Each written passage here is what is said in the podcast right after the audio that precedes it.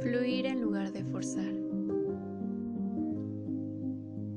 No, no te diré que dejes de estar triste, porque no funciona así.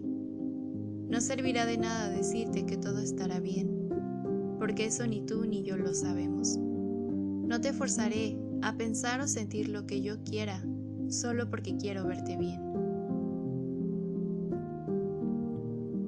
Nos han hecho creer que existen las emociones buenas y malas, pero no es así. Solo algunas que enseñan más que otras, y depende qué hagamos con cada una. Tenemos el derecho de darnos por vencidos de vez en cuando, de no autoexigirnos tanto. Muchas veces solemos ser nosotros mismos nuestro peor enemigo o nuestro mayor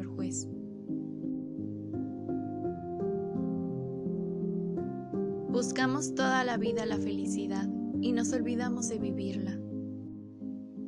No me gustaría pretender que vivieras en una ilusión de un mundo ideal, sin que nunca estuvieras mal.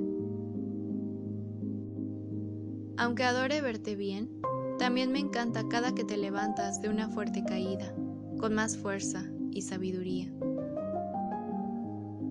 Solo pretendo que veas y valores los detalles que a diario te ofrece la existencia el cómo estamos conectados con todo y cómo repercute que hoy te sientas así y tomes las decisiones que tomes.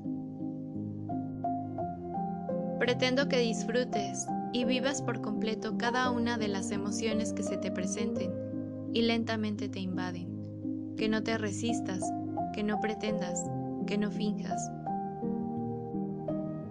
que te sumerjas en tu interior y esas emociones siempre te lleven a reencontrarte contigo mismo. A expresarlas sin temor, ni dañar ni dañarte. Recordar que eres humano. Y una de las maravillas de ello es sentir.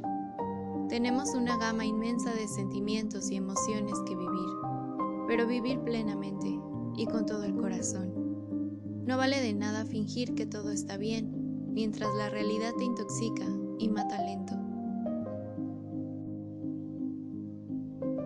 Permítete fluir y abrazar con todo tu corazón la situación. Valorar todos los aprendizajes que ha aportado a tu vida para aplicarlas en el futuro.